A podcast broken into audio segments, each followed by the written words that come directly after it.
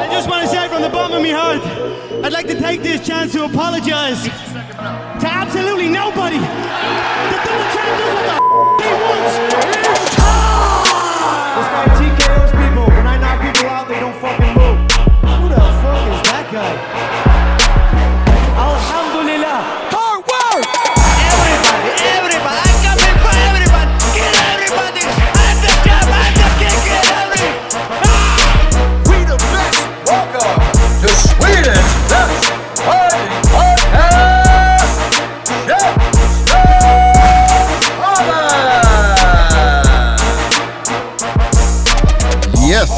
Dags igen för ännu ett avsnitt av Käftsmällspodden, en podcast om fighting. Jag heter som vanligt Andres och med mig har jag, Ashan Fori.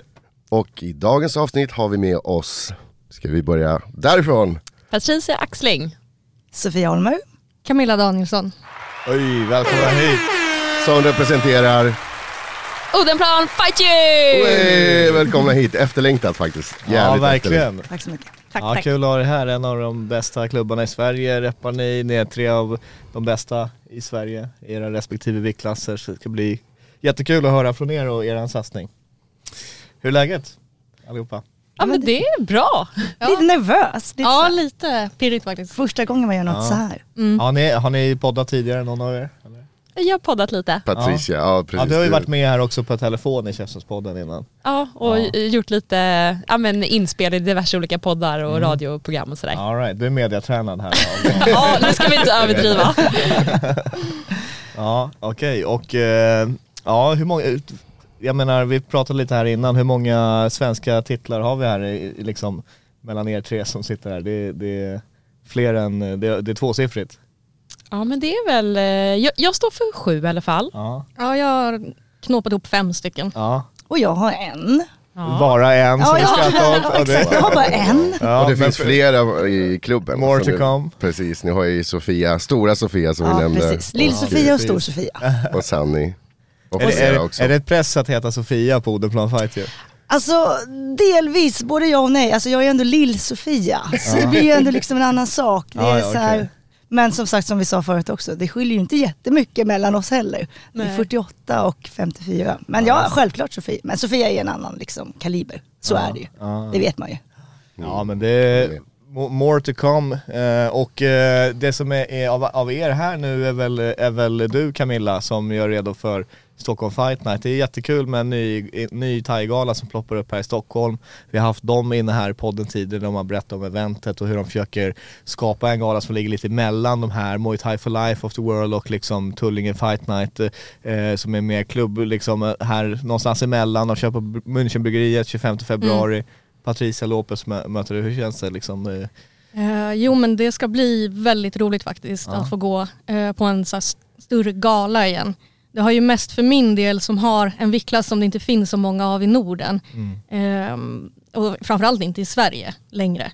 Eh, så är det väldigt kul att få vara med faktiskt på de här galorna för att det känns som att oftast prioriterar man ju att ta in fighters där det finns av båda i samma viktklass redan här i Sverige. Det är ju enklare på så många sätt. Och, eh, därför blir jag så otroligt tacksam att de vill liksom hjälpa mig att få synas också på de här, den här typen av galor. Just det, ja för hon kommer från Spanien, din motståndare som man plockar in då. Ja. Ehm, ja och hur, du har gått pro innan? Men Eh, ja. inte så ofta liksom? Nej precis, jag gick ju en proffsmatch i somras Ja. ehm, i Italien. Och då, det var första gången jag fick gå en proffsmatch i min egen viktklass i 45 kilo. Eller det. 45,2 var det då för att det var så proffsvikt. Ja. Ehm, men eh, annars utöver det så det blir väldigt sällan. ja, så du hade, velat, hade du velat gå mer liksom och det hade funnits Ja. eh, fler i din viktklass och allt sånt här Ja. och du hade kunnat köra eh, regularly här i Sverige liksom? Ja verkligen, definitivt. Ja okej.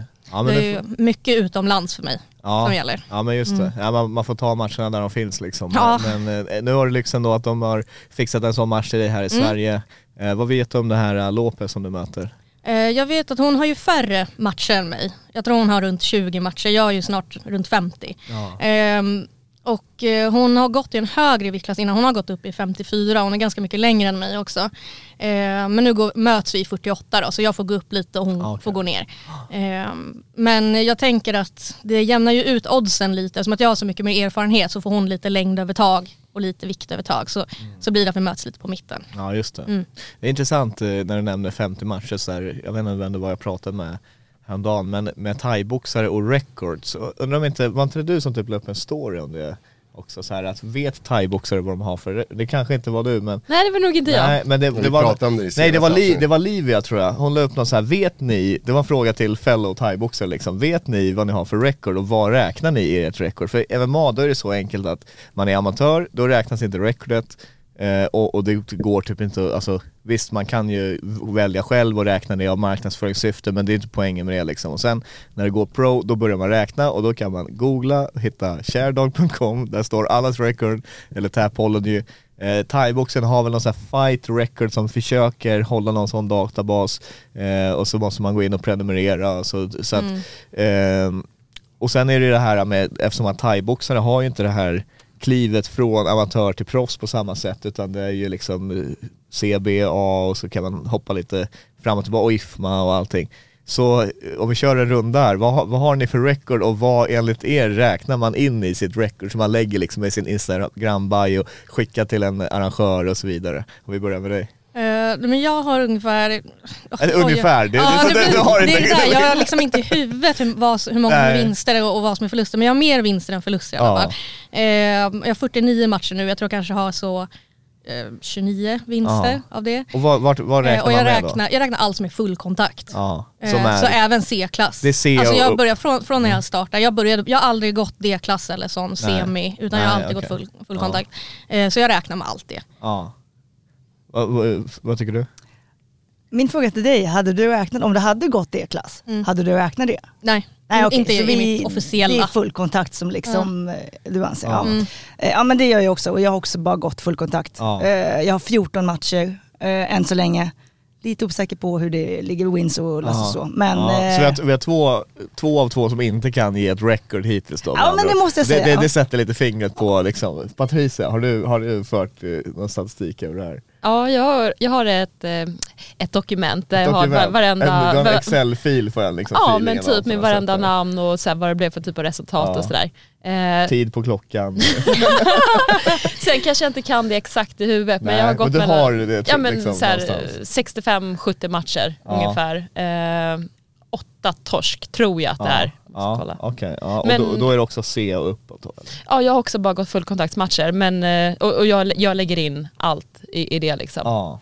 Eh, sen om jag, nu har inte, nu är det inte så att jag har gått liksom 30 A-klassmatcher, men, utan bara ett par stycken. Men för min del, om jag går en A-klass eller om jag går typ en eh, ja, IFMA-match, Ja. alltså mitt tänk är samma. Jag vill ge så mycket skada som jag bara kan. Ja. Så det, är- det är enkla regler för mig. Ja, okej. Och, och då kommer, då tänker jag så här också, har, ni, har någon av er kört kickboxning? Ja, jag har. Och då räknas det in i det här då, eller är det någon separat? jag har räknat in ja, det, ja. okej. Hur många, hur många kickboxingsmatcher har du kört? Eh, tre tror jag. Tre. Att det. Okej. Jag tror jag. Ja, men jag, har, jag har också ett dokument men jag kan det inte. Och faktiskt på min 30-årsdag, då var jag i Polen och gick på en, eh, en gala och gick en eh, kickboxningsmatch. Det roliga är att jag mötte en thaiboxare men Ja. vi tävlade i kickboxning. Ja, ja, okej. eh, men det var, eh, jag- räknar in den också. Ja. Det var hon Cindy va? Ja precis. Ja. när ni hade på er kjol. Jag hade en rosa kjol på mig och det var rosa matta och det var rosa Lamborghini. It was very cringe men eh, ja, det var en kul gala i alla fall. Ja. Och du Patricia, vi har ju snack, du, du har kommit upp på tal när vi har varit inne i, i thaiboxen, vilket inte är så konstigt för du är ju en av de här liksom främsta, eh, ja som vi sa, sju SM-guld, det, det är väl du som, som leder den eh, just nu liksom. Eh, Sofia, jag vet inte hur många hade hon? Eh, men jag tror att hon har typ eh, något eh, motsvarande va? Ja, tror ni, ni, ni, ni, ja exakt och, och hon är, har ju liksom slutat tävla, du är fortfarande aktiv så att du är den som leder SM-guldtävlingen nu om man säger, eh, bland aktiva fighters åtminstone. Och, eh, men det känns som att du inte gått pro så mycket heller. Det, är, det, finns det, någon, är det någon liknande anledning som, som Camilla är, eller du har väl fler tjejer i din viktklass? Eller är det att du, finns det någon anledning till att du, du gillar att hålla dig mer till eh, landslagsbiten och, och mästerskapen och, och World Games som du nämnde när vi träffade dig på SM där och sådana grejer? Liksom. Nej men det är en ganska enkel förklaring och det är jag, jag tycker att det är jättekul att gå proffsmatcher men det ska också beredas tillfälle, det är någon som ska lägga pengarna på att du ska gå det, vill jag liksom ta in dig. Eh, och sen ganska snabbt så har man ju mött det som finns att möta i, i Sverige och det är inte så utvecklande för någon utav att bara möta samma person hela tiden så då måste man ju börja plocka in utifrån, eh, hitta motstånd och det ska finnas en ekonomi till det, ett incitament. Eh, sen tror jag att det är många andra svenska damer i, i toppen som kan hålla med mig också om att det ska vara bra, men det ska inte vara för bra. För är det för bra, då är det lite sådär, ja, vill promotorn ha in dig på den galan eller inte? Och så, Mm. och så vidare. Så det är, det är lite, lite knepigt. Och sen generellt så är det inte lika mycket dammatcher som herrmatcher heller. Nej. Så det, är liksom, det, det finns många aspekter av det här. Ja, intressant. Jag, jag tycker det är intressant att du tar upp det här med ekonomin. Ja, jag får- jag får jag, jag vill gärna veta, vad, vad, vad tycker du om betalning och, och det som alla fighters kämpar för? Hur, hur tycker du liksom att... eh, Du hör att Andreas lägger upp frågan på ett specifikt sätt och han, han har liksom ett svar i åtanke. Nej okej, okej, men då, då, då lägger vi om frågan. Vad, vad tycker du? Hur ser betalningen ut där ute? I Eh, Sverige? Ja, ehm, nu har ju jag inte gått på de här stora galorna så jag, jag kan inte säga vad, vad det är de får men av, av det jag har hört av lite insider information så är det en skillnad kanske i, på vissa galor eh, det som betalas ut liksom. Eh, och ja, eftersom jag inte själv har varit liksom, eh, gått och varit en del av det så kan jag inte heller argumentera för liksom, hur ja, fram och tillbaka hur dialogerna förs. Men, ja, så att, men det, det känns som att den är lite eh, obalanserad. Det kan ju bero på lite också, jag tänkte på arrangören, hur mycket pengar de har. Ja. För jag minns när jag gick en, min första proffsmatch 2017 så mötte jag hon den här tyska tjejen, eh, Indy Schumacher heter hon. Mm. Ehm, och då minns jag, för då var ju också vår klubb ganska ny så vi hade kanske inte samma ekonomi som vi har idag. Men då tog ju vi mitt gage för att betala den här fighten, alltså hennes liksom Ja, just det, flyg just och det. så, här, så jag fick ju egentligen inget betalt. Jag, jag fick betala för att Ja. få fightas för att arrangören inte ville lägga de pengarna. det. Men det här var ju som sagt ganska länge sedan nu. Mm. Det, det ser nog lite annorlunda ut idag men Men det, det som jag eh, näm- eh, tänkte när jag tog upp ekonomin, alltså jag pratar kanske inte specifikt om betalningen, alltså jag fightas inte för att få pengar, alltså om man Nej. får det är det ju trevligt, men jag fightas för att jag älskar det. Ja. Det jag pratar om det är att det faktiskt kostar att flyga in fighters Ja. från vä- eh, hela världen och de ska ha med sig tränare, de ska ha någonstans att bo, de behöver liksom ett par dagar på plats också. Så det är med det ekonomiska incitamentet. Och Precis. därför så finns det en anledning att kanske promoters främst vill plocka då inom landet. För det blir billigare. Och det är Ja. inget konstigt, jag förstår det. ja, Men, men det är svårt för de som har kommit en bit på vägen i karriären Just eller det. ha få i sin viktklass. eller få i sin viktklass. Jag får lite feelingen att så här, om man är så här, jag vill verkligen ha Patricia Axling på, på mitt matchkort, då måste man liksom, då sätter man sig med det och man är så här, kolla nu kan vi, de här kan vi plocka in, det här är någon, och man måste göra det taggad då för den matchningen typ, att det är så här, det här ger mig någonting, inte att du möter eh, ja, någon som du har mött flera gånger innan på SM kanske, är det är lite så, och sen också att man, att det känns som att det makes sense för dig då, annars håller du dig till landslaget. Eh, Eller? Alltså, Jag vet inte, det låter så tjusigt när du presenterar det på det där sättet. Alltså det, det ser, verkligheten ser inte riktigt ut så. Det känns mer som att mina tränare för fullt liksom jagar match runt om och drar i sina kontakter och Ja. så vidare. Snarare än, att någon arrangör i Sverige bara, Okej. Åh, kom och jag har det här förslaget, vi plockar in den här Nej, fighten okej. från det här landet. Ja, ja. I- Det kanske ser ut så för någon annan, men in, inte för mig. Men för jag tänker, du var ju i alla fall senast jag kollade, det var det, men du, du var ganska högt rankad på VBC, eh, VBCs ranking liksom och sådär så att du, du, du är ju, alltså det känns ju som att du borde kunna få stora proffsmatcher eh, på, på något sätt liksom. Vi hoppas kanske kunna få till någonting till hösten men, Ja. eh, men det ligger ju mycket också på, på mina tränare och nätverka Ja. och liksom sådana saker också.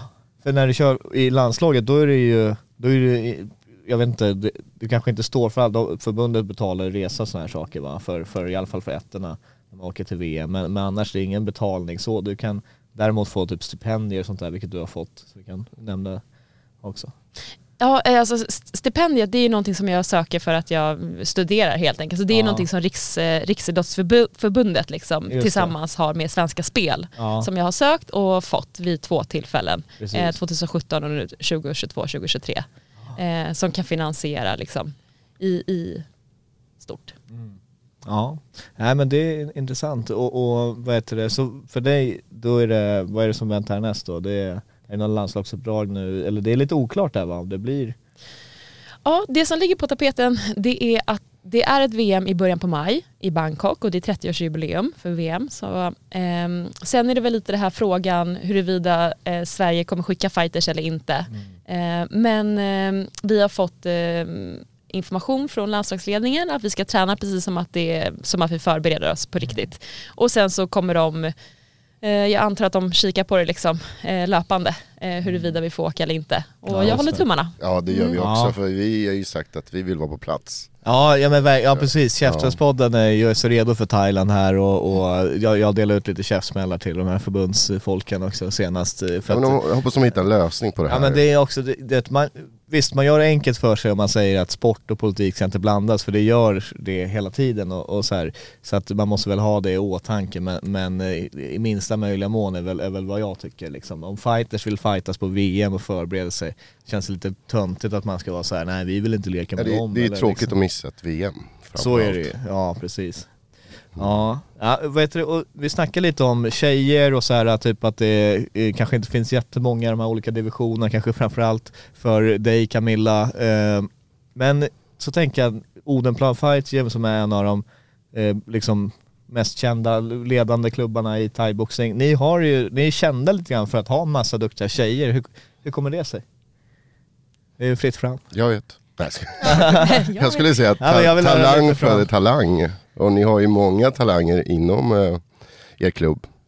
Och det måste bli ganska enkelt då att man lär sig från Ja men är det, är det någonting med liksom när, hur klubben startades och, och att typ så här, det liksom, ja här finns det tjejer och då kan det dra till sig fler tjejer, att man känner sig bekväm, att man har, att man inte är ensam tjej kanske, att man har andra tjejer att sparras mot eller, eller vad har man för, varför är det liksom så, så pass extremt duktiga tjejer just på Odenplan Fight Gym?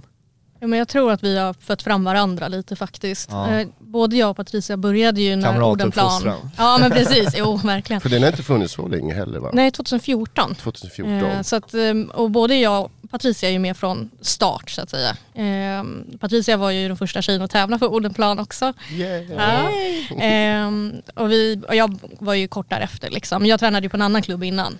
Eh, men du har ju bara kört på Odenplan eller hur? Alltså, när det kommer till thaiboxning. thaiboxning, Ja, ja. precis. Born and raised. Mm. Nej, men och sen kom ju Sofia eh, Olofsson till oss 2015 va? Året efter, ja. ja. precis. Så att, och då har man ju liksom fått spö av henne i alla år liksom. och då har man fått dela vidare det där. Det går ju liksom runt precis som ni säger att det föder ju fram Ja. eh, varandra och sen har vi alltid haft en väldigt god stämning på klubben, alltså vi inbjudande tycker jag i alla fall. Så att då har det ju kommit mer tjejer eh, efterhand. Vi har ju ganska mycket, alltså nästan 50-50 medlemmar, eh, kvinnor och män.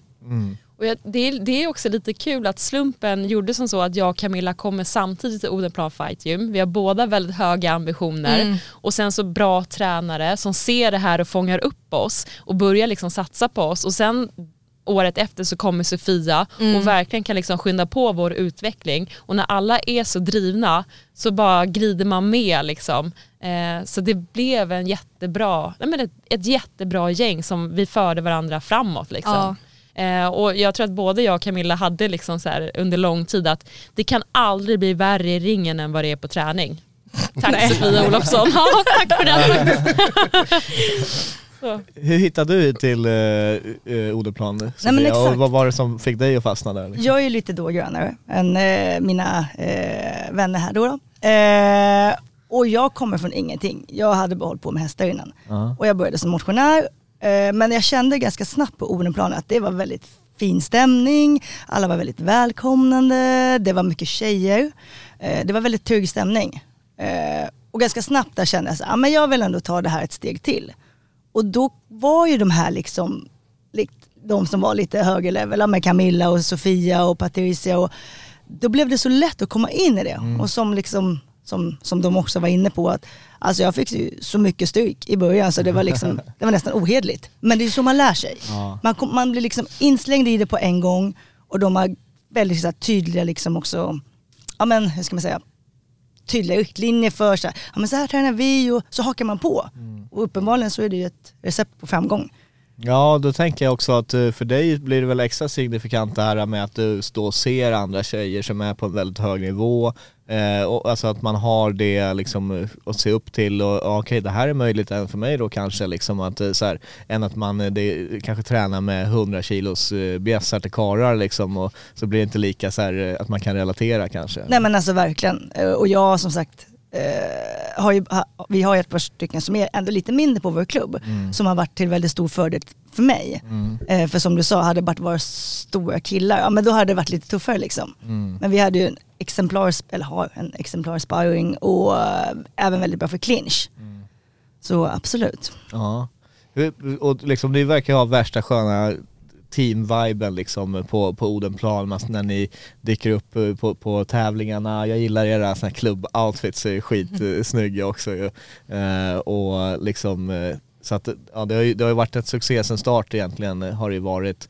Eh, och eh, jag var där och då träffade vi någon som jag vet, nu vet inte, jag fick, Sanny sa ett namn till mig och sen så sa internet ett annat namn. P- Ponasit Det är O. Oh, oh. Det är samma Mm, människa. ja, han, har, han har två namn. Hur länge har han varit eh, på Odenplan? Han, han är ju en riktig legend från Thailand om jag har förstått det rätt. Han, Är, han var är det han med tvillingbrorsan? Precis. det är han Ja, det är- ja, ja, och han, han var ju, han var ju liksom, man såg att han, han kan sin grej. När, Han har sagt att han ska komma hit förresten. Ja det är Ja, ja, ja. så här kul. Det, det skulle vara jävligt kul faktiskt. Hans svenska namn är ju Ove. Ove. Ja. Ah, okej. Han valde det själv. Därav O. Så um, han har varit hos oss i typ ett och ett halvt va? Ja, Eller? jag tror det. Ett och ett halvt, två år. Ja, ish. Okej, och, och hur är det med att träna med honom? Han är, känns som han är liksom ett skönt tillskott till, till tränarteamet och att ni har väldigt bra, eh, liksom, ja, men väldigt bra tränare där nu. Ni har ju andra sedan tidigare också och sen är han som, som är väldigt respekterad. Ja, men jag tänker att det, är, att det är ett bra komplement. Han har ju en väldigt vacker teknisk stil. Ehm, så, ehm, som jag känner att jag kan lära mig en hel del ifrån. Eh, och det, det blir liksom ett, eh, nej men ett, ett bra komplement. Jag tror att det är bra att ta in liksom olika, eh, ja men, olika typer av erfarenheter och synvinklar och liksom tekniker. Man kan alltid plocka någonting från någon. Det blir som att liksom fylla på färger i sin färgpalett. Liksom. Ja just det. Eh, Det här med att eh, ni liksom har nästan 50-50 i medlem, är det någonting så här från, från föreningens sida att, man, att ni liksom strävar mot att vara typ, alltså utmärka er som en jämställd klubb eller är det någonting som bara har blivit så? Nej, det, jag skulle säga att det är eh, verkligen en så här hjärtefråga. Ja. Det har varit viktigt ända sedan de startade. Det är ju det är Sanny, Marcus Österblom, Hans Edström, Lars Ja. Ahlstedt och eh, Andrea Bånghäll som startade Odenplan Fight Gym. det. Och, eh, ända sedan start har de varit väldigt noggranna med att försöka få liksom, en, en jämn fördelning både i styrelse och bland medlemmar. Och, liksom, eh, jag tycker de jobbat bra med den, den aspekten. Ja, det tycker jag också.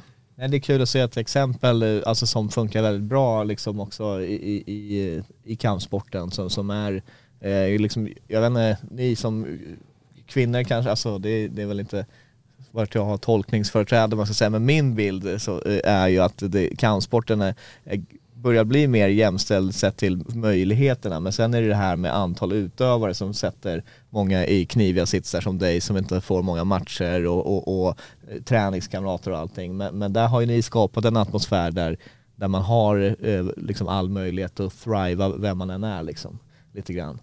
Så det, det är jätteintressant. Eh, ja, och eh, vad heter det, nu tappar jag tråden här. vad heter det? ja, eh, från det.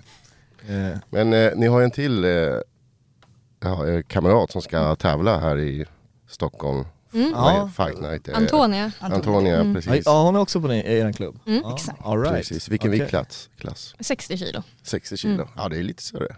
Hon hade en intressant match, var det inte? Vem ska hon möta? Eh, Frida Lindberg heter hon va? Mm. Ja. Som Okej, har tagit, eh, jag tror det är SM-silver de senaste två åren. Mm. Ja. Eh, och de möttes nu på... Ja, senaste SM, eller hur? Ja. jag tyckte jag såg det. Precis. Eh, Antonia var ju väldigt duktig som junior och sen var hon, eh, sen har hon haft typ ett uppehåll nästan i tre och ett halvt år. Så SM nu, det var faktiskt hennes comeback efter Wow. väldigt lång tid liksom borta. Okej. eh, så vi på klubben är jätteglada, både då som tillskott som träningskamrat men också tränarna är glada för de ser potential i henne. Ja. Eh, så hon mötte Frida i sin andra match då på SM. Eh, och nu så tror jag att det blir perfekt med ett, eh, ett möte igen. Eh, Mm. för nu har det liksom gått några månader till och Antonia var med på Nordiska och fick gå en match där. Ja, så det, nu är hon nog lite mer med i liksom, eh, matchen eller vad man ska Ja säga. men precis, liksom blivit av med lite ringrost. Ja. Hon är sugen på revansch. Mm. Det tror jag nog. Precis, tänkte fråga, hur är stämningen just nu på, hos er? I och med att det är många som, som ska gå match. Är ni taggade? Känner man när man kommer in att eh, det, det är tävlingsmode, eller? Camilla? Ja, jo men det tycker jag att man kan känna av lite. För det är eh, oftast, i alla fall vi som ska tävla, kan, där har man ju lite mer, prestationsångesten har ju slagit igång lite. Ehm, det, det kan man ju känna, för det kände jag till exempel när, när ni tränade inför SM, för jag fick ju ingen motståndare och inte du heller Sofia, eh, på senaste SM. Och först så tränade ju vi innan listan kom ut, som att vi skulle gå SM. Och sen helt plötsligt så var vi inte med på tåget längre för att ja, vi hade ju inga liksom, som vi skulle tävla mot. Och då, kände, då tycker jag man kände att stämningen var på ett annat sätt. För jag är så van vid att alltid vara med i det där så då tänker man inte på det. Det ligger i Men nu luften när man hela var, tiden. ja precis, det ligger i luften. Eh, och man känner av de andras liksom, ja men inte prestationsångest vill jag inte säga men att det är lite mer allvar. Ja. Vi har ju en till som också ska gå på Stockholm Fight Night. Ja Rasmus. Rasmus Ja just Eriksson. det, Så det, just det är det. tre, tre stycken från plan. Ja. Är det han som möter Kevin? Kevin ja, Ja precis. just det, för Kevin var ju här. Ja, ja just det. Ja just Så det. det är absolut, hänger lite i luften. Men ändå Ja, det- goda, Ja. go, glada miner. Ja, Hur, hur känns det för dig Patricia som inte ska tävla? Är du, stöttar du dem mycket nu? Ja, ja alltså jag försöker ju vara riktigt besvärlig när vi sparrar och clinchar. Så jag gör ju mitt bästa för att hjälpa till. Och sen, eh, jag ska faktiskt vara med och kommentera också. Ja, tillsammans just det. Fan. Det är Ja, just det, expertkommentator. vi på bara för några dagar sedan. Ja, det är jättekul Ja det är grymt. Det Det känns, bli- det känns ju spontant så att det kan passa dig bra. Har du gjort det förut? Nej, Nej. faktiskt inte. Så det, det är med, ja men eh, Jag gillar rösten, du har en bra Ja men röst. du, har ju, Tack. du är vältalig liksom och, och uppenbarligen så är du kunnig inom thaiboxning eh, så att det, det blir det blir jätteintressant. ja, och jag har stort förtroende för Jannis också. Han är väldigt Ja. duktig. Så jag tror att det kan, eh, förhoppningsvis blir vi en bra duo. Ja, ja vad kul. Ja, det är, Ja, grattis. Ja, det Ja, blir- ja värsta, det är, det är jätteroligt att, att, att kommentera galor och, och vad heter det, ja jag tror, jag tror det kan bli bra. Kul att de kör, man kör den här liksom eh, som UFC kör, man tar in fighters och, och som Ja, också får bli men det första jag tänker på är hur kommer det bli att kommentera dina kollegor då? då? Ja just det. Jag kommer vara så, jag kommer vara så hård som det bara går. Nej men jag tänker på talat. SFG-kommentatorerna som satt och bara 'Kom igen nu då' Ja. Jaha, nej det gjorde jag inte men... Nej men jag, jag tänker så här att eh, det viktigaste som man gör när man kommenterar det är ju att vara neutral eller så Ja. opartisk som det bara går. Och jag tror att för min egen del så kommer jag nog nästan vara ännu hårdare när det är mina egna klubbkamrater Ja. som går för att inte liksom, Nu måste hon släppa händer här liksom. Det- nej, men liksom göra allt vad jag kan för att verkligen hålla det professionellt. Ja. Så det är min, det är min ambition. Ja, okej. Ja men det är jättekul och det, det, ja, som sagt jag ser verkligen fram emot det här Stockholm Fight Night. Eh, jag tror det blir en kul grej, vi kommer vara där, Käftsmällspodden och, och, och Frontkick och Maximum och eh, ja, kul med nya eh, tillskott och som ja, gör någonting nytt liksom. Eh, Kul att det är så nära jag tänker så här, vi, vi nämnde SM lite grann här och vad heter det, nu är det du som inte ska fightas eh, och, och eh, liksom eh, massa andra på klubben som ska göra det, inklusive Camilla här. På SM, när ni två inte fick fight, då var du där och då var det, det var lite kontrovers också typ. I att de lämnade in protest och också vart något snack om, om ja men det buades och grejer och, och vart så här otrevlig stämning typ. Kan inte du berätta lite för de som inte hängde med i den svängen vad det var i din SM-final? Eh, du tog ett sjunde eh, guld, det borde ju vara liksom eh, massa glädje runt det och att du, du återigen vinner mot Livia som du har mött många gånger. Men så, vad var liksom i efterspelet där som, som inte var riktigt eh, lika trevligt? Eh, SM gick ju i Varberg och det är en väldigt speciell, eh, en, speciell ort för mig för där tog jag mitt första SM-guld 2016. Ja, okej. Eh, och så kände jag så, ah, vad roligt att få vara tillbaka i Varberg där allting började egentligen. Och sen så hör jag redan när jag ska gå in i, i finalen att det ropas från, eh, från läktaren att det är dags att pensionera Axling och ja, lite så.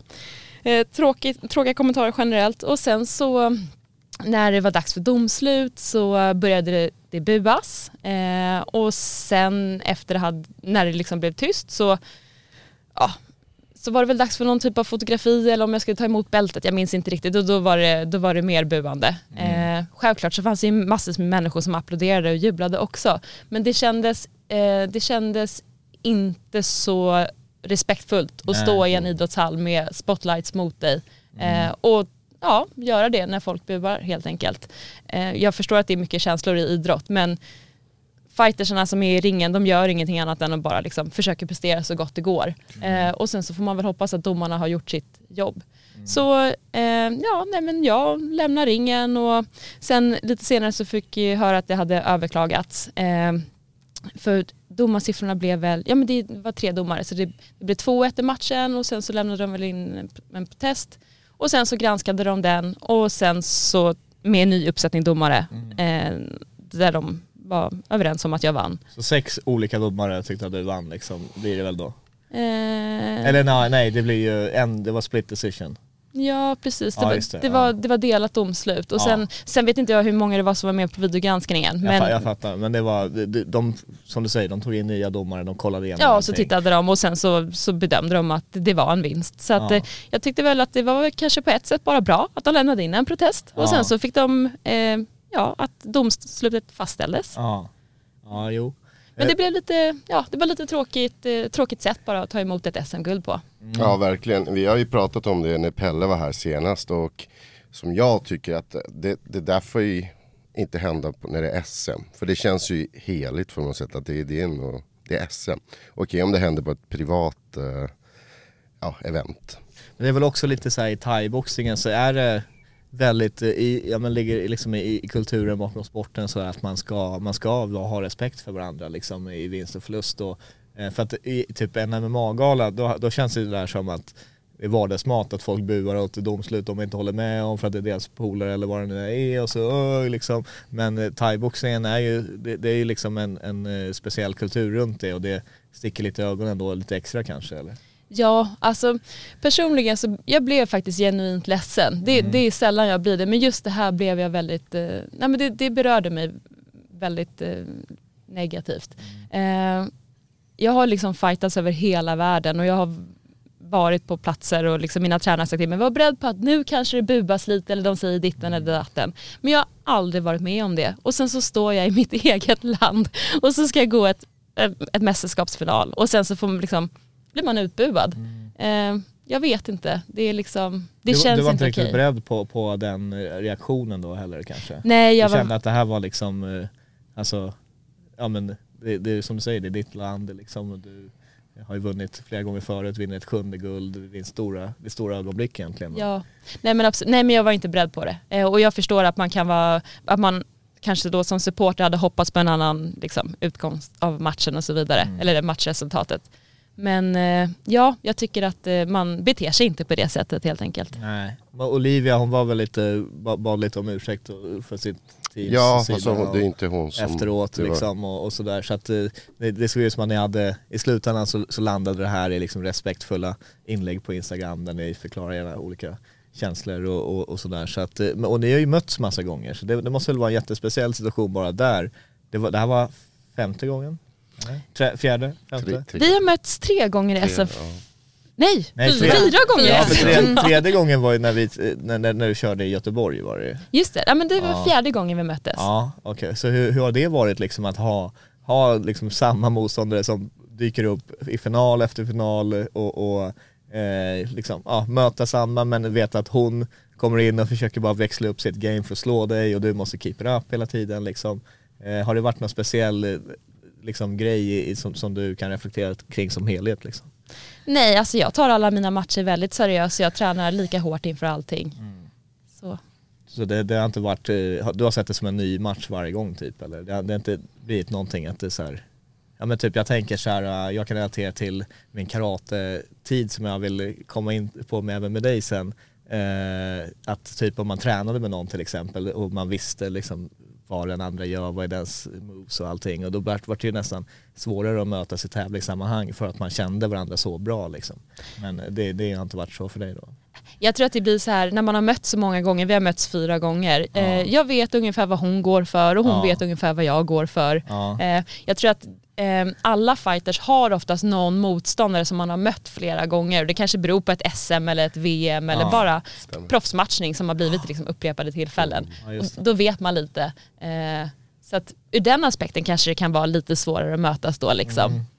Men eh, träningsmässigt så är det ju bara, ja, i min bok, alltid full fart framåt, bara köra på som att det är liksom, eh, ja, förbereda sig på det värsta. Ja. Så är man väl förberedd. Helt rätt, helt rätt. Ja. Men eh, du kan vi ju lika gärna gräva ner i det Ja, för som det- du vill komma in på. du- Men vänta, Patricia, jag vill, du började ju först med boxning, visst stämmer, stämmer det så? Eh, Först karate. Ja exakt, exakt, Oh, exakt. oh, oh. Move, move over man. Du började på Ystad karateklubb Ja, med Asim Barakovic. ja, Kung! ja, Kung ja, Asim! Kommer ihåg? Jag var inne och kommenterade lite på din Instagram där, för jag har ju tränat med Asim själv nämligen. Nu när du säger det här så Ja. minns jag det och det är verkligen, ja Han var ju gud. landslagstränare i Ja. kata och, och han var så, och han, av någon anledning som jag än idag inte riktigt förstår så, så var han så här, bara så jättesnäll mot mig liksom och, Ja. och, och, och han ändå, ja nej så jag, jag har bara fina grejer att säga om As- Asem och, han är så, han är en sån karaktär också, han är lustig. Så hur, hur var det liksom, hur började din kampsportsresa där och hur var det att träna med,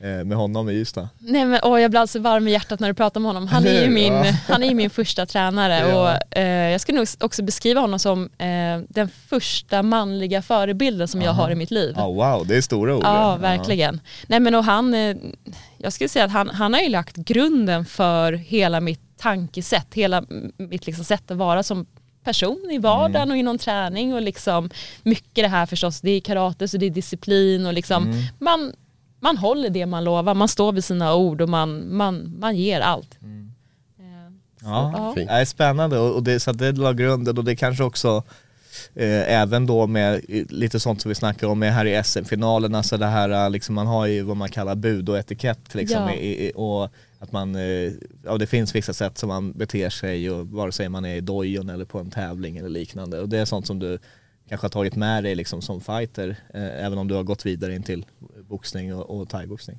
Ja absolut, alltså tankesättet från, eh, från karaten det har absolut följt med mig sedan sen dag ett. Hur, hur var övergången från eh, karate som ändå är, kan vara liksom avigt på, på många sätt och, och eh, du vet, eh, man tränar kanske traditionella grejer som är svåra att applicera i, i en boxningsfight eller vad det är. Hur, hur var övergången sen? Vad var det som gjorde att du gick vidare till full kontakt och hur, hur gick det till? Liksom? Egentligen så ville jag börja med boxning Ja. eh, men när jag bodde då i Ystad så fanns det ingen boxningsklubb vid det tillfället. Nu har jag Armand Kranch, en boxningsklubb och jag brukar vara där och, och träna när jag är nere och hälsar på familjen. Eh, så då var det liksom, det fanns bara en kampsport i Ystad, då blev det karate. Och jag fastnade direkt, jag älskade verkligen den idrotten.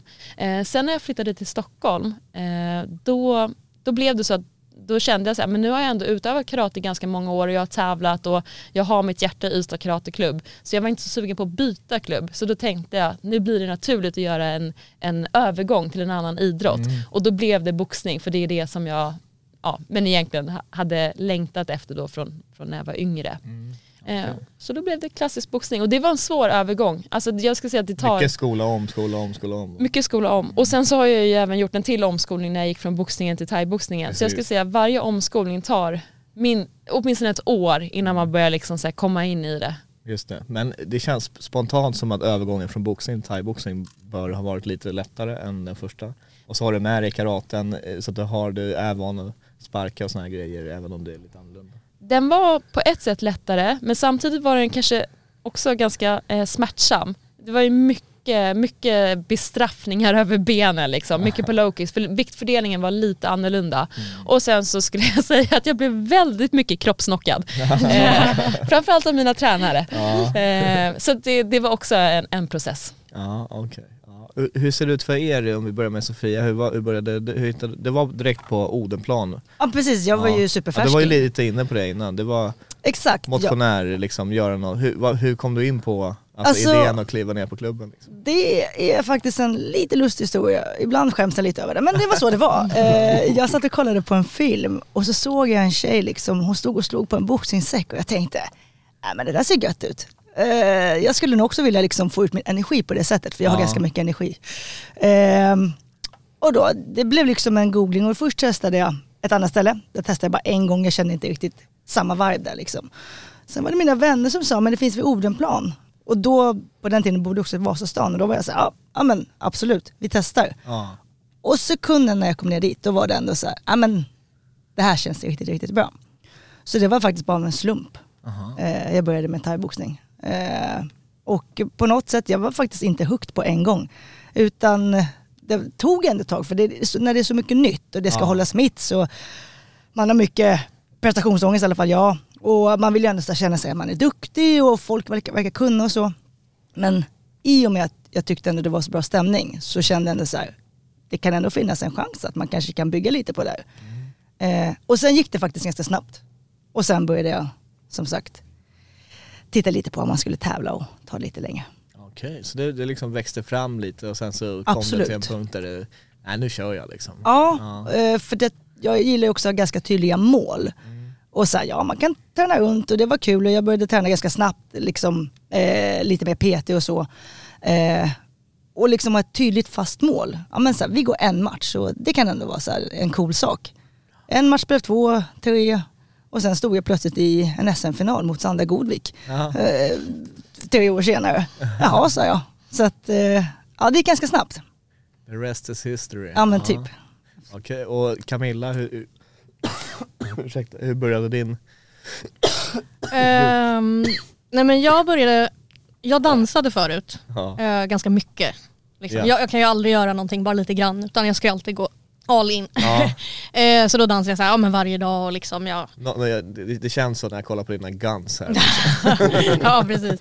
Nej men sen slutade jag dansa för att min kompis som jag gick och dansade med hela tiden, hon skadade sig. Och så Ja. kom jag av liksom lite från rutinen och jag dansade på Söder men jag bodde liksom i Täby och jobbet låg inte nära. Så det blev liksom att jag la av och då la jag av i ett par år, med, då hade, tränade jag liksom ingenting alls. Då började jag må ganska dåligt.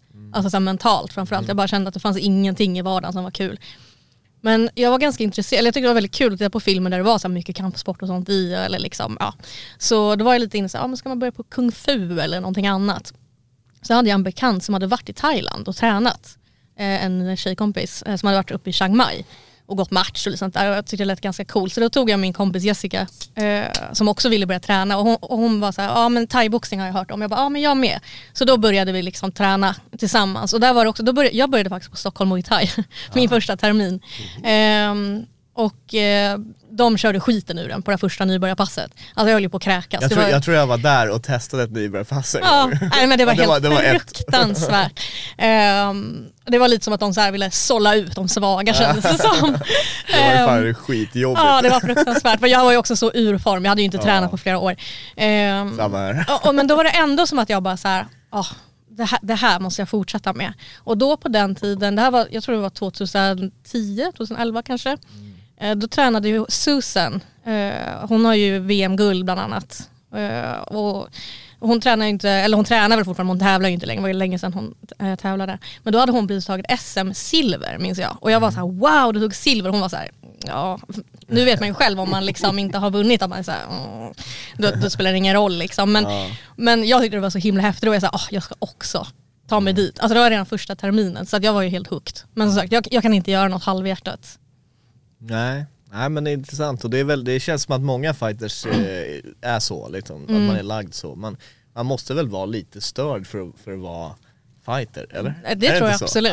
på, på, på sitt egna sätt liksom, eller så här, Vi har ju diskuterat det ganska många gånger. Mm. Det är ganska konstigt att gå ner och bli slagen och bli glad. Ja. Både att få stryk men även ge stryk. Ja många är såhär du vet när, ja det är skönt att få en smäll i facet liksom så här, och då kommer man igång i sparringen typ och så här. Så att fightingen attraherar ju verkligen eh, säregna karaktärer kan man väl säga. Eh, det, det är därför man älskar fightingvärlden så mycket också. Det är liksom, Ja, här- och här sen umgås man ju bara med personer som är likadana. För vi, den, de enda man umgås med är ju de på klubben i princip. Man har ju Ja, typ det. Inte tid att träffa andra känns det som. Så att när folk på jobbet till exempel, jag jobbar som ekonomiassistent Ja. och de frågar såhär, ah, thaiboxning, ja ah, okej, ja, men man, man får inte slå mot ansiktet va? Ja, så här, ja, jo man får knä i ansiktet om man, alltså det låter ju helt sinnessjukt. Ja, så här, man, man gnuggar lite med armbågen där. Nej men man tänker ju inte på det i det perspektivet när man själv är i det så himla mycket och så mycket som man tränar. Och man är så här, ja men tränar du varje dag? Ja. två pass om dagen. Va? Alltså det låter ju som sagt för folk som inte är i den här bubblan, man glömmer bort det lite ibland tycker jag. Verkligen. Vi brukar ju kalla vår tävlingsgrupp lite så här för OBS-klassen. Ja, Det är många original. ja verkligen. hur, hur får man ihop det då liksom eh, som thaiboxare eh, när, när man kör, om man går proffs så kan man behöva liksom ge sitt gage till eh, för att ens motståndare ska komma hit och, eller så är det SM och sådana här turneringar liksom och, och så ska det jobbas och det ska man ska få in två pass om dagen. Hur, hur, hur gör ni liksom? Du jobbar som, som ekonom, ekonom. Eh, du, Jag är ju student du är just nu. student ja. Och, så, och det, är- då håller du på med massa, eller är det enklare att få ihop det eller det är mycket Eh, tid som går till plugget? Alltså det beror lite på. Eh, jag, tidigare under min karriär så har jag arbetat, då arbetade jag på kontor. Ja. Eh, på ett sätt så är det enkelt för då, vet jag, då visste jag alltid hur mina veckor såg ut. Ja. Nu är det så olika från kurs till kurs och termin och termin. Men jag måste, om jag skulle få välja skulle jag ändå säga att, eh, att studera ger lite utrymme för flexibilitet på ett annat det. sätt. Ja. Eh, ja. Sen kanske det kan vara så att om jag måste åka iväg och tävla och så vidare så kanske det inte är lika enkelt att flirta med, med skolan gällande tentor och så vidare som, att, som det var för mig då med min arbetsgivare att få tillstånd att åka Nej, iväg. Ja, så precis. det, det, kan väl vara sådana här grejer som hänger en, liksom ligger i bakhuvudet och, och stör en typ så här, fan den där eh, tentan och den här uppsatsen och allt vad det är liksom. Ja, alltså, men det finns ju för och nackdelar med allting. Men jag tror Ja. att oavsett om man jobbar eller pluggar, för att alla vi är beroende av dubbla karriärer, vi Mm. behöver ju få en Ja, inkomst. Så precis. handlar det bara om att optimera sin tid. Just det, ja. Jag tänker på en liksom. sak, hur, hur blir det när du kommer till jobbet och lite blåtiror och alltså, där, vad säger de på De ekonomiavdelningen? Ja precis. Eh, nej men nu har jag ända sedan pandemin eh, så jobbar jag Hemifrån? hemifrån nästan hela tiden. Jag åker in till kontoret ungefär en gång i veckan. Just nu eh, en gång i månaden. Eh, men det är, och jag är också flex. Så att det, jag har ett väldigt bra jobb på det sättet att jag kan liksom åka iväg och träna på dagen om jag behöver med våran tränare Läck till exempel och komma tillbaka så jobbar jag in tid. Alltså, det är ganska enkelt att göra så. När jag jobbade däremot på kontoret då var det ju lite jobbigare tyckte jag för då var det den här resvägen och allt det där som liksom tog så mycket tid. Man var väldigt mycket mer trött tycker jag när jag var på kontoret varje dag för det, där jag jobbar nu det ligger i Nacka strand. Eh, och så skulle jag liksom pendla och så här. Och då var det lite, så, då var det lite liksom hårdare med tiderna på det så då kunde jag inte åka iväg mitt på dagen. Sånt. Ett tag gick jag ju ner och jobbade 80% Mm. för att jag skulle hinna. Så att, men nu när man jobbar hemifrån mycket så är det otroligt mycket tacksammare. Hur ser det ut för Lill-Sofia? Hur får du ihop?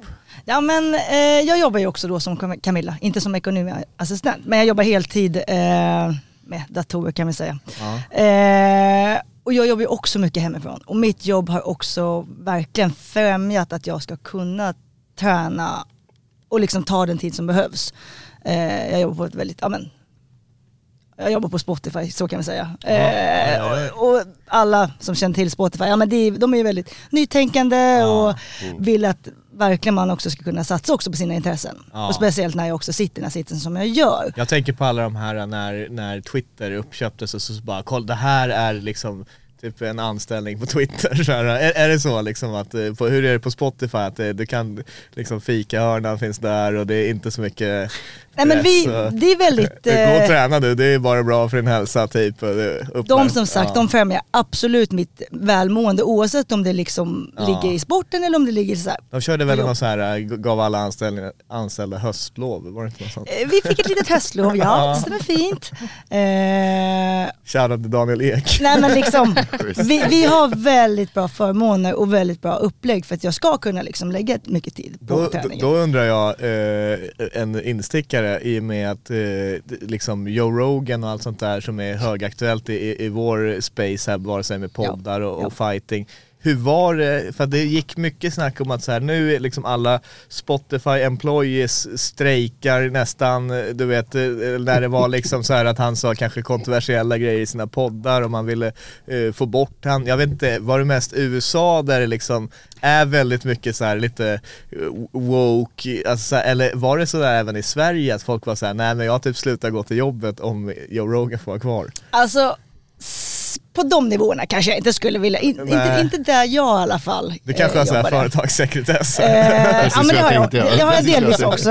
Eh, men jag kan bara säga, alltså, det, nu var det här ett tag sedan. Ja. Eh, och jag, jag, jag personligen märkte inte av det på det sättet. Nej. Sen kanske det fanns, Det, det, det låg i luften lite grann ibland kanske alltså, eller? så här, Det var lite sura att vara, jobba på ett företag som Spotify, vi kommer alltid vara i blåsväder. Det är Ja. så det är. Det kommer, är det inte ditten så är Bra det datten. svar, bra svar. Ja, så att det är så här, nu, jag har också jobbat där liksom i nio år. Ja, Eh, ja, ja. ja precis.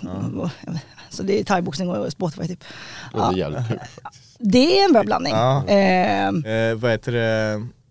Jag skulle precis fråga någonting som jag tappade tråden här. Jag har faktiskt kollat på UFC hela natten så jag får ursäkta mig lite men lite, eh, in, o, lite ur matchen här emellanåt. Eh, vad heter det, men eh, jättekul att ha er Men här. vänta nu när du ändå säger UFC och igår var det också One, var det inte det? Ja det var det, Det var eller? det. Ja, jag, eller? Ja, det var Nej det. det var ju fredags i fredags var det. Det var i fredags, Precis. ja precis. Vilka har One som mål? Ja bra, det, nu kommer jag tillbaka på... Ja. Precis. Vilka drömmer om den här, får man säga, stora scenen? För det brukar ju Eller vara svaret vilka? vi får när vi frågar MMA-fighters, ja jag Ja. vill till UFC. Thaiboxarna då är det ofta one. Är det, är det någonting som ni har liksom också? Alltså för min del i alla fall så, min viktklass finns ju inte i One. Nej, samma här. Ehm, så att det är väl om man skulle få säga, ja men en catchweight eller liksom, ja men någon sån här specialmatch. Men det finns ju inte liksom en så. Men fanns Millas viktklass innan hon? För att det var ju Eh, vacant championship. Ja men de hade haft några som hade fightats i den innan. Så att Ja, nu tror jag att One har typ så här 52,5 56, komma någonting Ja. Eh, och sen vet jag inte om de har någon till för jag tror inte de har det Alltså, jag tror att bäl bältesgrejerna Ja, det är bara väl, två. Det är de två. Ja. Och det är väl det som jag tycker fortfarande märks av lite eh, generellt om man tänker på det här just fördelningen kvinnor män. Liksom att ja visst kvinnor börjar synas mer men det är fortfarande kanske så att om det är ett fight card med tio matcher så kanske det är en match eller två matcher max som är kvinnor. Och jag så här, till exempel som min viktklass, ja men visst det finns inte alltid folk att fightas mot så, eller det finns. Ja. För när jag är på mästerskap, ibland är det vi, alltså lika många som i Patricias viktklass har det varit vissa år. Så det finns ju tjejer. Men det handlar ju om det här med liksom de som har, om vi tänker just galor och sånt, så många gånger har de ju sina hemmafighters som de vill matcha. Eh, och då kanske de inte har någon i min viktklass. Och varför ska de då ta in mig och sen någon annan random tjej? Nej. Alltså förstår ni, Ja. det är lite det också. Så det, det, det finns jättemycket tjejer som Ja. fightas på hög nivå. Att bara kolla på Patricias viktklass i VM. Alltså där har ju riktigt toppskikt liksom. Ja. Otroligt duktiga tjejer. Och i min viktklass finns det också jätteduktiga tjejer som, men där är ju också, tänker jag lite, ibland kan det vara till exempel som, ehm, eh, jag har många, haft liksom många ryssar och vitryssar eller belarusier. Eh, och de har inte jag sett så mycket på proffsgalor men de är extremt duktiga. Men de har gått Ja. mest IFMA. Ja. Men jag, jag tänker också kanske med One på sikt så tror jag att de kommer få in fler viktklasser på, Mm. även på damsidan. Ja, Eh, och, 100%. och det är väl det många hoppas på. Ja. Eh, personligen så skulle jag ju tycka att det var jätteroligt att köra One, absolut. Jag är ju lite fascinerad av tanken på att eh, använda sådär små handskar. Jag ser fördelar både med boxningen och clinchen, hur jag kan liksom använda det. Så det skulle vara superkul. Och sen är det väl alltid kul att gå på stora events, vem vill inte göra det? Ja, men Nej, verkligen. exakt. Och, och sen köra i bur, hur känns det då? Eh, De kör väl i bur ibland? Ja det gör de ju och där tänker jag i och för sig att det är lite negativt när det kommer till aspekten med att skära av och så vidare. Eh, men det är väl bara en faktor man får Har ni eh, testat hantera. det? Nej, aldrig. Nej. Ingen sparring i bur och sånt? Nej. Nej. Jag har ju ganska mycket sparringutbyte med Josefin Lindgren Knutsson Ja, ja, eh, till och från. Och nu har vi sparat mycket för hon går ju match här den 25 också. 25. Mm. Så hon, för, och nu har ju Allstars bytt träningsanläggning. Så hon sa det, hon bara, men du får, du får komma hit också så får du kolla. Så får vi se, då får man kanske testa att köra just i en bur någon gång. Ja. Hur har det varit att träna med henne inför den här fighten nu? Ja, Liksom det känns, nu är det, hon är on the brink att verkligen slå igenom här. Ja nej men alltså det, det är så roligt för att alltså, jag och Camilla till exempel vi har ju Mm. kört eh, landslaget med Josefin tidigare och hon tog ju bland annat ett VM-guld 2018 i Mm. Mexiko. Japp. Eh, så det är så kul att ha liksom följt henne under alla år och se den här liksom utvecklingen eh, och hur hon liksom har då nu gjort övergången till MMA. Eh, och det är kul att vi fortfarande kan ha så mycket utbyte av varandra. Eh, så får ju hon plocka liksom det bästa av två världar och jag känner ju, hon är snabb och explosiv och lite lu- eh, lurig och väldigt rörlig. Så det finns ju så, det är så kul att liksom, spor, äh, liksom sparra med henne, man får ut väldigt mycket. Eh, och hon verkar vara i bra form, så jag tror att eh, hennes motståndare, Jacinta tror jag att hon heter, Ja, hon får precis. watch out. Det här är jättespännande för hon har ju vanligtvis, eller vanligtvis blir det väl så att liksom motståndarna vill dyka på henne och det får vi se om det blir nu också Mm. men skillnaden nu är att de har ju fightats i Japan båda två K1 och Ja, har de här thaiboxers precis. bakgrunder även om jag tror Josefin är väl lite mer meriterad i thaiboxning än vad Jacinta är men Ja. att de är liksom, kommer från liknande striking bakgrunder det är jättespännande. Ja så men att, eh, precis. hon, är, hon är ju verkligen, eh, vi hoppas att det går bra för Josefin Ja. så att vi får se henne i UFC sen snart helt enkelt. ja det hoppas jag. Ja, vad heter det, det här, eh, Andres eh, eh, fick ju mig att komma på igen för att vi snackade lite här innan om, om Y-crew och sådana här grejer och där, det blir ju ofta en, en, en fråga som, som vi gillar att, att ta med thaiboxare när det kommer till one och typ galor som Zone Pro League och eh, det lite, finns lite olika varianter eh, och det finns de som bryr sig mer om att bevara det här kulturarvet om man säger i sporten och, och, och de som eh, föredrar andra typer av eh, galer liksom. Eh, vad, vad känner ni där? Är det någonting, alltså vad, vad betyder Y-crew för er eh, när, när man ska göra det? Är det någonting som ni gillar? Eh, som, som ni, eh, att det liksom är tråkigt att man tar bort det på, på vissa galor eller vad, vad tycker vi där? Ja, jag är lite kluven. Jag tycker om Y-crew. Alltså jag själv inte gjort det så många gånger. Framförallt för att mycket av mina matcher är ju IFMA-mästerskap och där går man ju bara ett varv runt ringen, bugar tre gånger och sen är man klar. Ja. Och det är ju för att spara tid framförallt. Precis. Ehm, men däremot kan jag ju tycka att någon som gör en riktigt fin Y-crew, att det är väldigt kul att titta på. Och man skulle ju inte vilja att den delen försvinner helt. Nej. Men samtidigt uppskattar jag väldigt mycket det här format som börjar komma mer nu, det här med tre gånger tre. Ja, Eh, alltså även i A-klass. Förr var det ju all, i princip alltid fem gånger. just det. Just Eller det. tre gånger fem. Ehm, men ehm, nej jag vet, jag vet faktiskt inte. Så jag är ganska kluven. Jag gillar liksom Ja. båda delarna. Jag vill inte att liksom, den fina liksom, traditionella delen ska försvinna helt. Nej. Och det Nej. kanske det inte behöver göra eller? Nej. Det kanske är så att man, eh, man kan ha de här mer kommersiellt anpassade Mm. galorna. Eh, så, för det, det, det mynnar ju ut i liksom bottom line och, och tv-tittare och alla sådana Mm, här ja. aspekter. Eh, sen finns det ju de galorna som, som bevarar mer det här Mm. traditionella. Patrik och Muay Thai for Life de kör ju liksom en variant där eh, man inte har thai-musiken när matcherna är igång men man kör by crew innan och sådär så att det finns ju olika sammansättningar. Men jag, jag är lite på det på Camillas spår. Jag gillar också det där traditionella.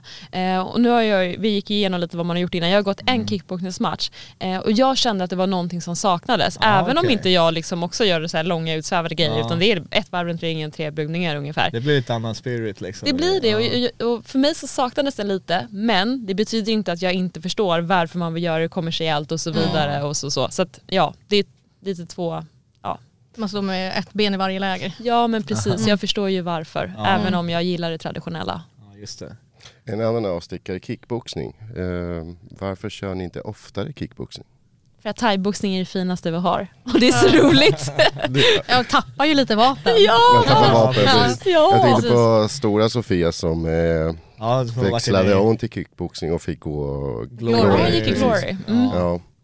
Det är in- ingenting som ni tänker på så här, ja, man kanske ska följa. Alltså jag, hade Eller testa gärna, jag hade gärna gått K1 i Japan för där har de ju faktiskt min Ja, viktklass. det, det verkar 45. ju jävla coolt också. Ja, liksom, så man- det, det har ju varit lite på tal om det men liksom det blir aldrig riktigt någonting av det. Nej. Men jag hade verkligen, det hade jag jättegärna velat göra innan Ja. jag liksom lägger av eller vad man ska säga. Att få, för dels bara för att få åka till Japan verkar ju skithäftigt men också K1 är ju, det var ju väldigt väldigt stort alltså för Ja. många år sedan och det känns som att det är inte lika stort längre i liksom hela Nej. världen som det var förut. Nu är det ju mer koncentrerat i Japan. Men eh, det, jag hade verkligen velat. Nej, det fanns det ju är ju inte- faktiskt en Det sån, är ganska kul att åka mål. till Japan och tävla. Ja det hade det varit är något. lite coolt. Det fanns ju en tid när K1 var liksom, alltså det bara kom på tvn liksom. Eurosport, alltså jag vet inte hur många Globen gånger jag har suttit med, ja, Globen fylldes, jag tror jag var där för länge, länge ja men sedan. när det var Mm. Rumble of the Kings menar? Mm. Ja, Ja. ja precis, ja men Mm. liksom och när man kollar K1 Japan, jag, liksom, man satt med farsan och så har man, ibland har man den här freakshow-matchen, här har vi Hongman Choi liksom som Mm. är två, två och en halv meter liksom och ska möta, alltså så här, eh, det, japansk kampsport är, är väldigt lite så här speciell också, de, de gillar ju sina, slänga in någon, någon Ja. eh, liten Men Patricia, du nämnde att man tappar lite vapen. Eller det kanske ni... Camilla Va? sa det men, men Ja, jag, jag, ja, håller, jag ja, håller med henne. Ja precis, men du fick ju testa och köra. Ja. Eh, vilka vapen kände du att du saknades när du väl körde kickboxningsfight? Ja, men, eh, framförallt där är ju eh, armbågarna tänker jag. Jag gillar ju att clincha mycket. Mm. Eh, och sen så också, det verkar ju vara lite olika från organisation till organisation reglerna. Ibland är det tre sekunder, ibland är det ett knä, släpp Ja, och så vidare. precis. Vi fick ändå clincha en del i den matchen. Så det var okej men eh, ja, det är armbågar och den aspekten. Ja, för just clinchen vet jag att det är många som säger att ni på Odelplan gillar att clincha. Mm. Stämmer det? Är det, det, är det liksom, Jag skulle säga att vi är starka clinchare ni ja. är starka? Ja, Tränar ni mycket clinch? ja det gör vi. Mm. Jag, jag är den som inte gå på clinch när jag går på thaiboxning. jag har hört att det är jobbigt och jag bara, äh, jag tror jag gjorde det en gång. Ja, och det är det som märks direkt. Ja, när ja, någon precis. inte har Ja. det liksom. Vi riktigt. kör ju varje, varje onsdag en och en halv timme. Det är Oj. bara, rakt, Bara, bara rakt igenom, bara ligga och mata liksom. Ja. Då har vi ju Läck, vår thailändska tränare som är alltså, riktigt duktig på det. Så, Ja. och det märks ju som sagt att vilka som har lagt ner väldigt mycket tid på clinchen. Eh, alltså om Jo, man bara tittar på precis, klubbmässigt också liksom. ja. Så att eh, det är en viktig del. Så är det. Uh, fan kommer att tänka på Sunny. Uh, vad heter det? Ja, det blev ingen Vad match. vad har vi senaste, har vi någon, vet ni senaste skvaller om han i och med att det vart ingen match där sist? Ja, det var väl en skada. Det är skada. Ja. Ja. Han är, men eh, ja, vi får hoppas att han kommer tillbaka. Jag bara kom att tänka på Apropå ingenting. Vad heter det? Eh, Läck, det är han som man brukar se till, som, han, han håller mycket mittsar och håller, Mm. ja, han är typ huvudtränare. Ja, han är en av våra huvudtränare. Han är huvud, och sen eh, den här andra liraren, vad är det han heter? Eh, som, som gör typ så här humorklipp på grejer. Ja men det är på- Marcus, det är Marcus. Stor-Sofias eh, sambo. Fästman. Ja, Ja, ja, ja, ja Mm. okej. Ja, han eh, verkar som en intressant eh, Mm, jag har hört verkligen. folk säga att vi borde bjuda hit honom. Ja, ja det var, jag vet inte Ja. vem det var som hypade upp han sist. Det var- Ja, han, han kommer på tal ibland där så att, eh, ja det, det är verkligen det är kul. Det känns som att man borde, man borde Combat Arts har ju varit som vi samarbetar med, har ju varit en del hos er men det känns som att man borde göra något lite reportage och Mm. få lite bättre koll på, på klubben som sagt. Vi försöker komma in där mer och mer och lära oss om thaiboxning så det jättekul att ha er alla här också och få, få lära, lära känna er mer liksom. Ja det är ju Marcus Österblom och sen så ska jag säga Hans Edström Ja. som liksom är, vi kallar dem för våra klubbpappor. Ja, okej. Och, liksom, och de är liksom ett roligt liksom ett roligt litet radarpar för de är liksom två helt olika karaktärer men de har liksom sina liksom förmågor och humor och de blir ganska komiska tillsammans. Och sen så är det också då Läck liksom, så, Ja. så de tre liksom framförallt. Och sen så genom åren har vi haft Henke till och från Ja, också. precis. Men, men det, är, det är främst de liksom. Men vilka, vilka är det som kommer vara i hörnan för er som ska tävla? Eh, nu kommer det vara Läck då, honom har jag ju haft genom nästan alla år liksom. Eh, och sen eh, blir det Marcus eh, som kommer vara i min hörna. Jag hade ju Henrik Nässén innan, men han eh, har ju lite retired från eh, coach. Han säger att han är muy tired. Ja, muy tired. Exakt. Så att, men jag har precis nu börjat ha Marcus då i hörnan. Jag hade honom på VM nu senast och även i Italien. Så att, ehm, och på EM också tror jag att jag hade honom, för då var inte Henke med va? Nej, Nej. det var det. Ja, då hade jag Österblom också. Ja, nej men så, och det har funkat bra tycker jag. Ehm, Camilla, du som går fight nu eh, och som liksom ni alla som har kört mycket SM och, och EM och VM och såna här eh, och mycket IFMA. Mycket, liksom för mig känns det som hjälm och alla de här grejerna, är inte det lite, är det inte mycket skönare att köra nu när det är proffs, eh, när du liksom får köra utan hjälm, det är mer freely jo gud rörelse? ja. Ja, ja, ja. ja. Jag, Det för- jag det föredrar ju Ja. alltså proffs. Är det, håller Eh, ni med om det? Absolut. Det är en skön frihetskänsla, Ja. absolut. Det är det. Definitivt. Det blir ju väldigt mycket skydd, alltså vi som är lite mindre.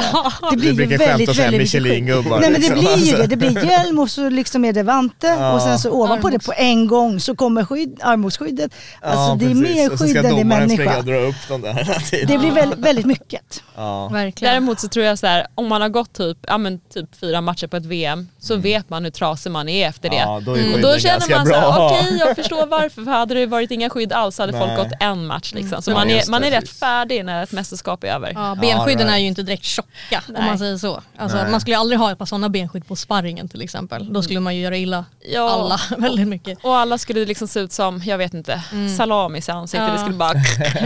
så, så, så här. Ja. Men, då, men det, jag undrar så här, varför har de inte på VM och EM samma upplägg som man har i Sverige som är att, eh, för det makes sense det du säger att man kan man kvalar då med, med skydd så att alla håller sig liksom hela till finalen och annars, man vet ju, kör man så här pro-turneringar då måste de ju alltid ha någon replacement fight på underkortet som är redo att hoppa in ifall det är någon kutt eller alltså allt vad det är som kan göra att man inte kan fullfölja. Men sen så kör man finalerna i B-klass. Det känns det så här att man får Eh, ja men att man får, eh, eh, man får bort hjälmen och allting när, det, när det är final för då, då är det slut sen liksom. Men jag, tänker att man får tänka på vad det är de kanske jobbar med. De vill bli en olympisk idrott och de har ju Ja. precis blivit eh, Ja, alltså, så Mm. erkända. Jag tror också det har med det Ja, Då måste du ju ha ett Mm. format som funkar. vara, ja. Däremot så kan jag ju personligen tycka att i Sverige, eh, jag tycker ju att det är tråkigt med B-klassen för två minuter, fem ronder, det är ju ingenting liksom. Nej det är sant, då blir det två minuters ronder plötsligt Ja. så det är ju märkligt också. Så då skulle jag hellre Ja. köra en 3x3, alltså IFMA eller A-klass. Det Ja. hade jag tyckt var roligt, men det är Ja, bara varit personlig grej. Ja, varför kan man inte köra A-klass som SM-finaler? Finns det någon anledning till det? Eller det är bara de de har bestämt att B-klass är... Jag har ingen aning Ja. faktiskt vad det är. Nej jag vet faktiskt inte heller. Det har väl bara alltid varit så. Ja. Förutom ett år när de hade faktiskt IFMA i eh, finalerna också. Jaha, de crazy. prövade det ett år, 2014 Aha. tror jag det var. Men då Aha. var inte vi med. Men eh, jag tittade på det då. Okej, okej. Spännande. Ja, nej, kul med thaiboxning. Eh, ska vi börja komma in till lite avslutande segment? Ja, nej, nej, inte, inte nej. riktigt än. Jag var ju på väg att fråga dig den 25, vad kan vi se fram emot? Eh, hur kommer du vinna matchen? Oj, men jag kommer höja upp tempot. är tanken. Det är det som är det fina med att ha gått mycket IFMA, eh, framförallt i min viktklass, för där går det undan. Eh, det är att man, man kan liksom dra upp den här extra växeln när det behövs. Eh, och verkligen så här, försöka vinna alla dueller. Eh, för har man inte gått mycket IFMA, kanske gått mest proffs, så är man kanske lite mer van vid ett lite annat tempo.